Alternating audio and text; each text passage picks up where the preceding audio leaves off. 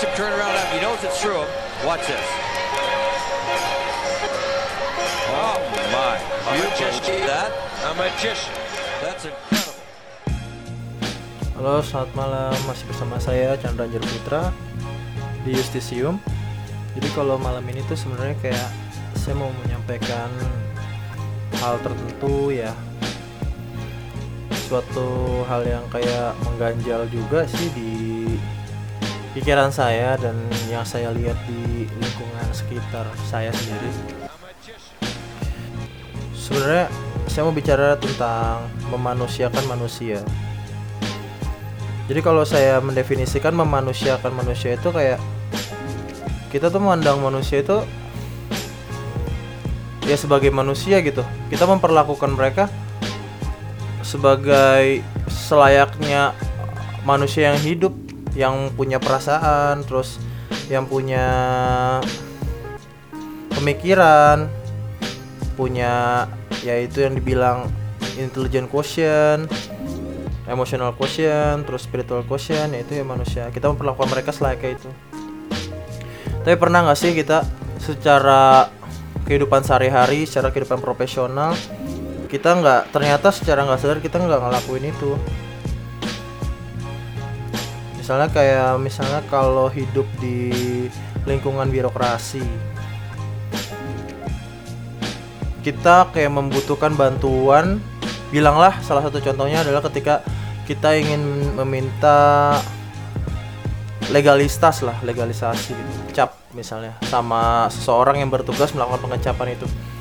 Melakukan legalisir itu kan sebenarnya kerjaan yang simple ya kayak orang datang bawa fotokopian tertentu terus kita bantuin ngecap bantuin legalisir gitu kan. Kita kita jedek jedek jedek selesai gitu. Pernah nggak sih kita mikir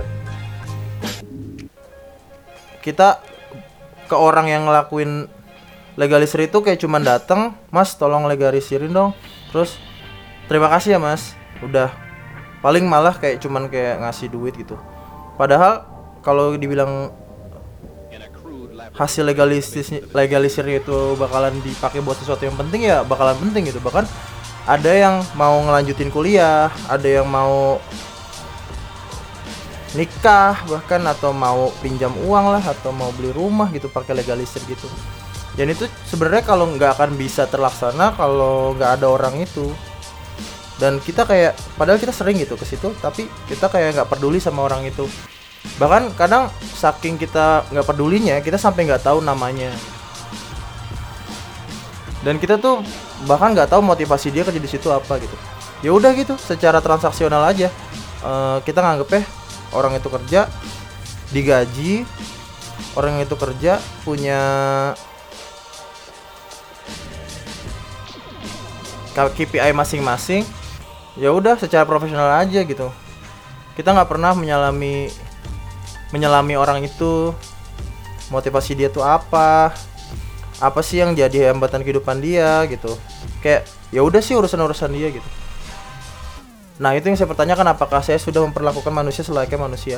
Kalau seandainya memang kita dibiarin aja orang yang kayak gitu Terus ya udah dia juga kerja kerjain aja. Ya apa bedanya kita nganggap itu sebuah benda ya nggak? Cuman bedanya kita ada komunikasi. Ya mas Iya mas. Terima kasih ya mas. Mas tolong legalisir dong. Terima kasih gitu. Maksudnya gitu loh. Apakah benar kita udah memanusiakan manusia itu?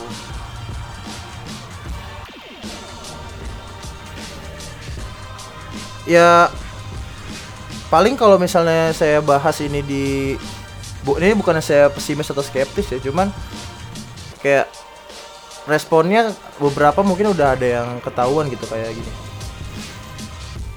ya dia itu udah ngelaksanain tugasnya aja gitu. Udah nggak perlu lah kita basa-basi lagi pula nggak ada waktu gitu untuk basa-basi itu. Loh iya ya bener. Itu kan cuma basa-basi. Cuman saya pikir emangnya beneran itu yang disebut basa-basi ya? Enggak juga sih.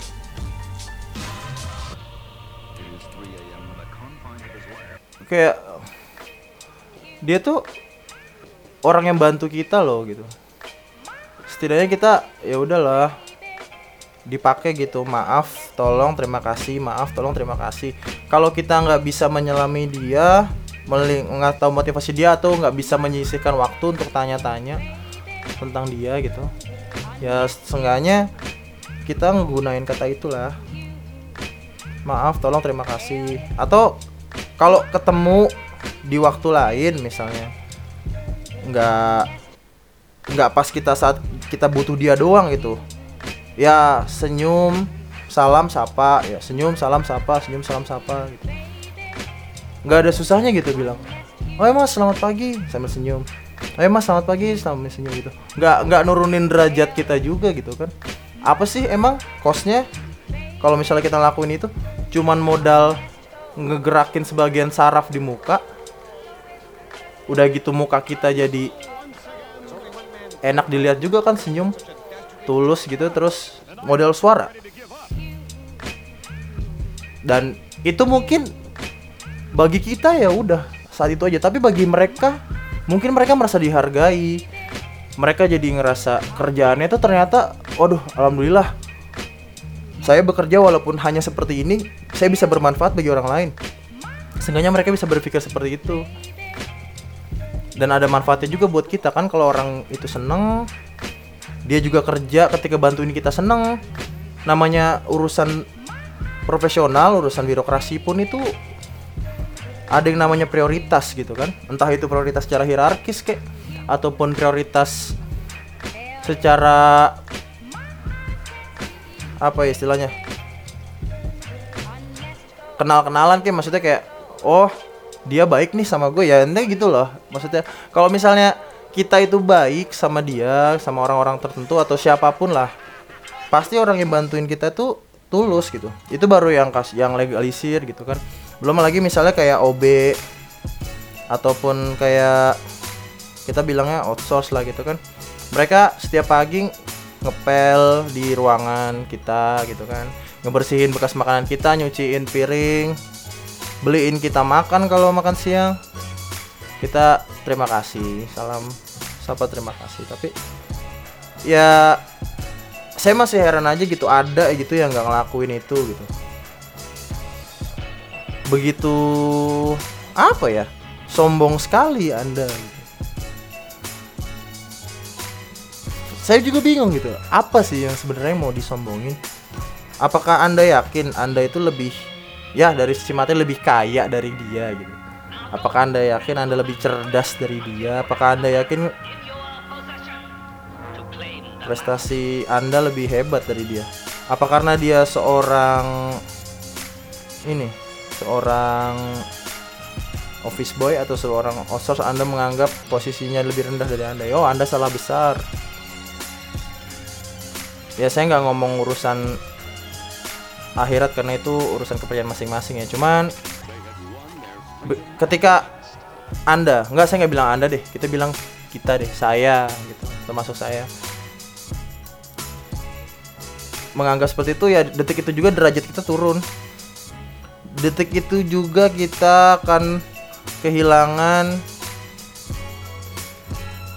harga ya bilang value nilai dari diri kita gitu kita udah mulai meremehkan orang lain kita mulai berlagak sombong kita merasa lebih pintar dari orang lain dan itu yang akan menjadi titik kejatuhan kita.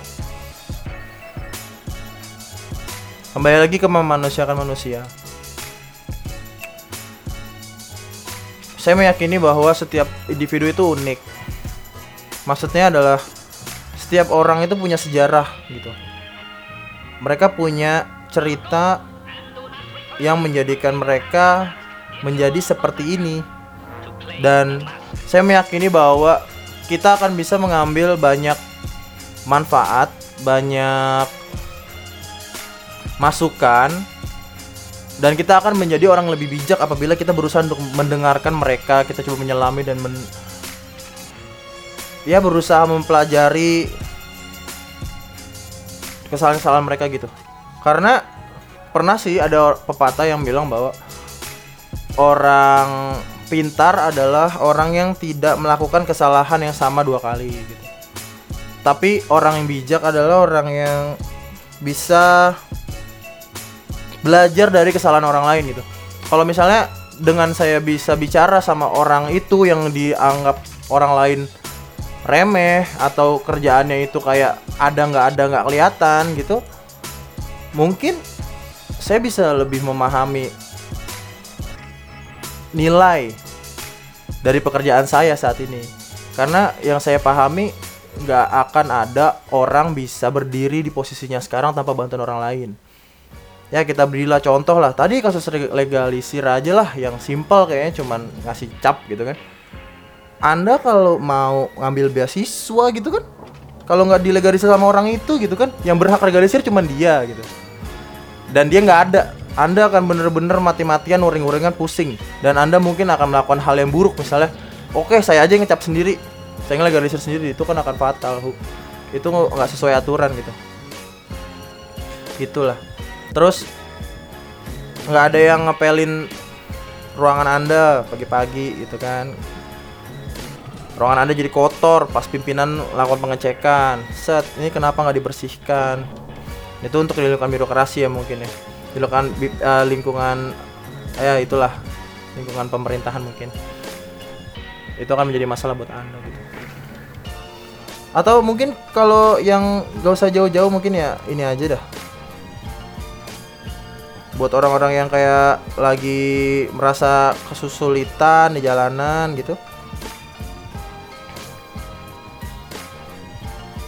Pasti anda akan mencari bantuan dari orang di sekitar Anda dan ekspektasi Anda ekspektasi Anda ini unik ya akan sesuai dengan apa yang pernah Anda lakukan sama orang lain. Misalnya kayak Anda waktu Anda ya, nggak ada Anda deh. Kita, kita waktu di jalanan itu ada orang kita berusaha baik gitu sama orang lain gitu.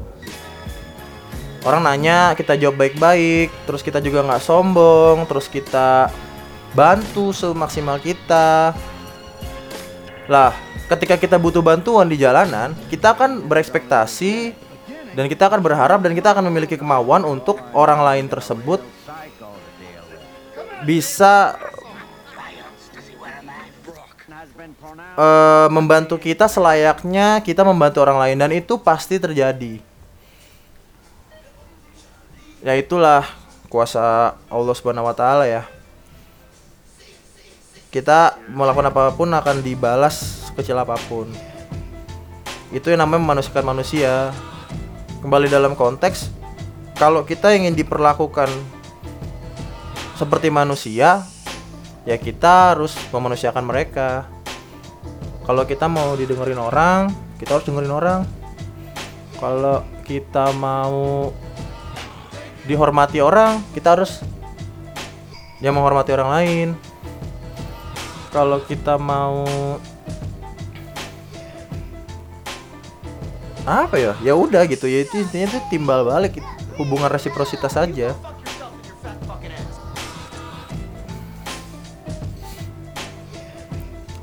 apa yang kita tanam adalah apa yang kita tuai. Kalau kita mau jadi orang yang diperlakukan secara baik kita harus baik memperlakukan orang lain dan itu manfaatnya akan sangat kelihatan gitu. Bener-bener kelihatan kelihatan banget. Ketika orang itu senang membantu kita ketika itu orang sudah merasa apa ya ya karena kita baik sama dia juga dia baik dengan bantu kita gitu. Ada akan ada ikatan yang terbangun dan chemistry yang terbangun gitu. Ketika chemistry itu udah terbangun maka akan ada dua hal yang dicapai. Yang pertama, pekerjaan tujuan kita tercapai dan ada nilai kebermanfaatan di sana. Setidaknya kita bisa menambah motivasi orang tersebut gitu. Misalnya kayak alhamdulillah kerjaan saya selesai, KPI saya selesai dan saya bisa bermanfaat bagi orang lain. Jadi nggak cuman kayak ngerjain tugas hari-harinya aja dia jadi lebih bersemangat gitu. Buat mengerjakan pekerjaannya. Mungkin karena saya cukup saya pribadi cukup lama di tempat yang bersifat pelayanan bukannya saya mengharapkan terima kasih enggak enggak sama enggak sama sekali. Saya saya bertindak profesional tapi ketika ada orang yang berterima kasih atas pekerjaan yang saya lakukan rasa teri- uh, ucapan terima kasih itu bener-bener indah gitu di hati saya gitu. Di kuping saya tuh adem banget gitu kayak langsung semangat lagi gitu. Oh oh iya makasih ya Chan. Udah dibantuin. Oh iya bang sama-sama gitu. Oh iya mbak sama-sama. Jadi apalagi kalau dia udah kayak gitu terus besoknya kita kayak mau bantu cuman nggak nggak ada fasilitas buat bantu atau lagi nggak available buat bantu itu kita ada rasa bersalah gitu. Karena rasa bersalah itu timbul karena kita tahu kita diperlakukan dengan baik dia juga memanusiakan kita dan kita ke depannya akan berusaha lebih baik lagi untuk bisa memenuhi bantuan mereka. Jadi kalau misalnya saya kalau saya pribadi gitu saya lagi off misalnya. Lagi nggak lagi off duty lah gitu lagi nggak tugas. Tapi ada ada ada ya rekan kerja yang baik sama saya gitu. Dia mah nggak usah baik secara apa ya sopan lah sopan. Terus pokoknya dia ramah gitu sama saya. Terus dia minta tolong lah saya akan usahakan gitu ngubungin sana sini biar dia bisa terpenuhi gitu kebutuhannya yang berdasarkan lingkup pelayanan saya. Tapi kalau misalnya saya lihat orangnya emang nggak nggak emang kira-kira orangnya ya lah nggak sopan gitu. Terus dia seenaknya gitu. Ya saya bilang oh ya saya lagi off. Mohon maaf nggak bisa bantu dan saya nggak akan bantu. Gitu ya karena ya emang ya udah anda memperlakukan saya seperti itu. Bu- bukan apa ya maksudnya? Kayak saya nggak punya rasa eh ya tadi ika- ikatan dan chemistry itu nggak terbangun itu kalau saya pribadi gitu. dan itu saya juga baca ya ternyata ada juga penulis yang sependapat dengan saya yaitu Eric Barker sih di buku mendaki tangga yang salah nah itu di dalamnya kayak ngebahas unik sih sebenarnya ini. Jadi ternyata di dunia profesional itu sebagus apa pun kita kerja gitu kan, so keren apa pun hasilnya, tapi eh sesempurna apa pun lah, tapi teman rekan kerja kita, terus atasan kita ataupun bawahan kita gitu nggak senang sama kita, ya udah hasilnya juga nggak akan bisa dianggap gitu. Tapi sebaliknya, seburuk apa pun kesalahan kita, kesalahan ya, sebodoh apa pun itu tapi rekan kerja atasan dan eh, bawahan kita misalnya gitu sayang sama kita, tahu kita itu sebenarnya baik orangnya, kita akan dimaklumi. Ya bahkan mereka mungkin akan berusaha mati-matian melindungi gitu, mendefend kita lah. Loh ini mas orangnya kayak gini kok, kita lihat dia kayak gini, kayak gini, kayak gini gitu. Tapi kalau misalnya orangnya ternyata ya ya itu tadi lah dimulai dari sombong dan yang kayak gitulah nggak nggak mau nggak mau membumi gitu pasti nanti ujung-ujungnya ya udahlah dia mah orangnya kayak gitu wajar aja ya kayak gitulah. Ya kalau misalnya hasil kerjaannya biasa-biasa aja tapi orangnya itu baik terus orangnya itu nggak macem-macem nggak sombong ramah pasti juga dibantu gitu untuk menyempurnakan tugas itu.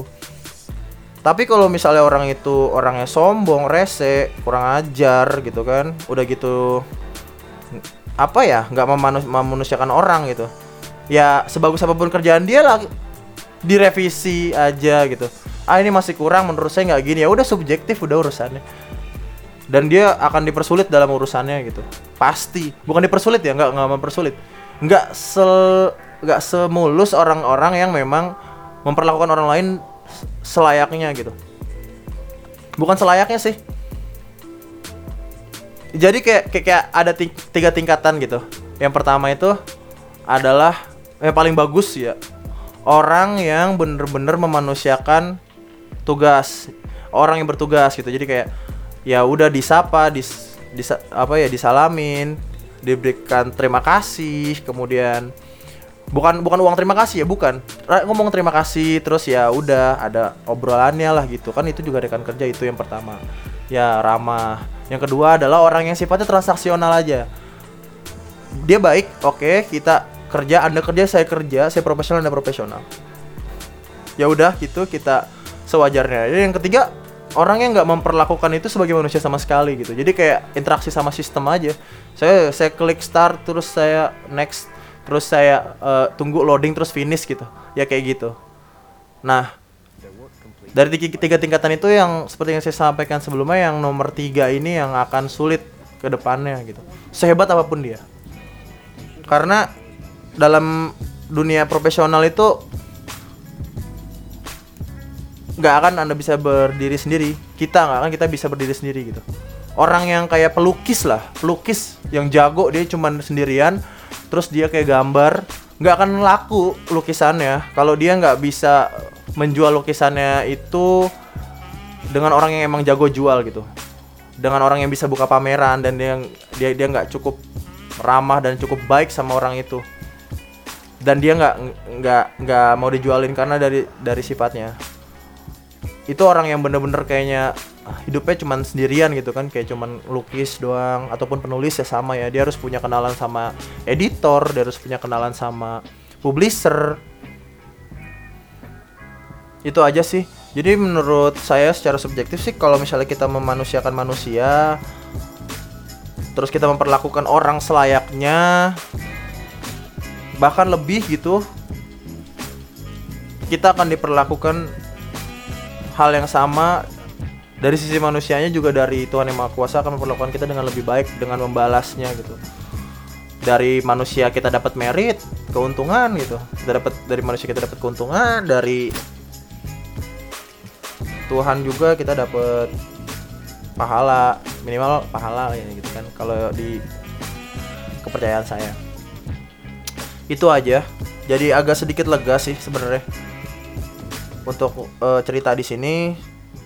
Karena mungkin kalau untuk hal ini saya mungkin nanti akan ngobrol lagi dengan teman-teman. Kali ini lagi pengen cerita sendiri aja sebenarnya kayak ya udah ya langsung mengungkapkan keresahan pribadi lah karena juga sifatnya kayak ini im impulsif aja gitu karena saya lihat sebuah keganjilan yang saya lihat di sekitar saya. Dan ini ini nggak nggak general gitu. Ini aja terjadi dalam ini oknum-oknum aja yang kayak gitu. Tapi tetap aja walaupun oknum saya mempertanyakan kenapa dia bisa bertindak seperti itu gitu. Mengapa dia melawan sistem lingkungan yang ada gitu kenapa dia bertindaknya gitu nggak nggak sewajarnya lah gitu. itu yang yang saya aneh gitu. ya alhamdulillah ya lingkungan saya juga bagus jadi ketika ada yang ganjil kayak gitu kelihatan banget Oh ya sekali lagi terima kasih yang udah dengerin. Kesimpulannya udah disampaikan. Mari kita bersama-sama jadi pribadi yang lebih baik.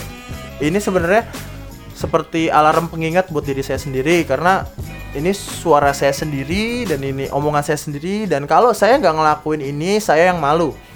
Dan ini juga saya share gitu kan sama rekan-rekan berarti rekan-rekan juga mendengar. Berarti kalau saya nggak melakukan ini saya juga malu gitu. Saya akan berusaha juga gitu loh. Jadi sebenarnya pembicaraan saya itu sebenarnya untuk diri saya sendiri sih.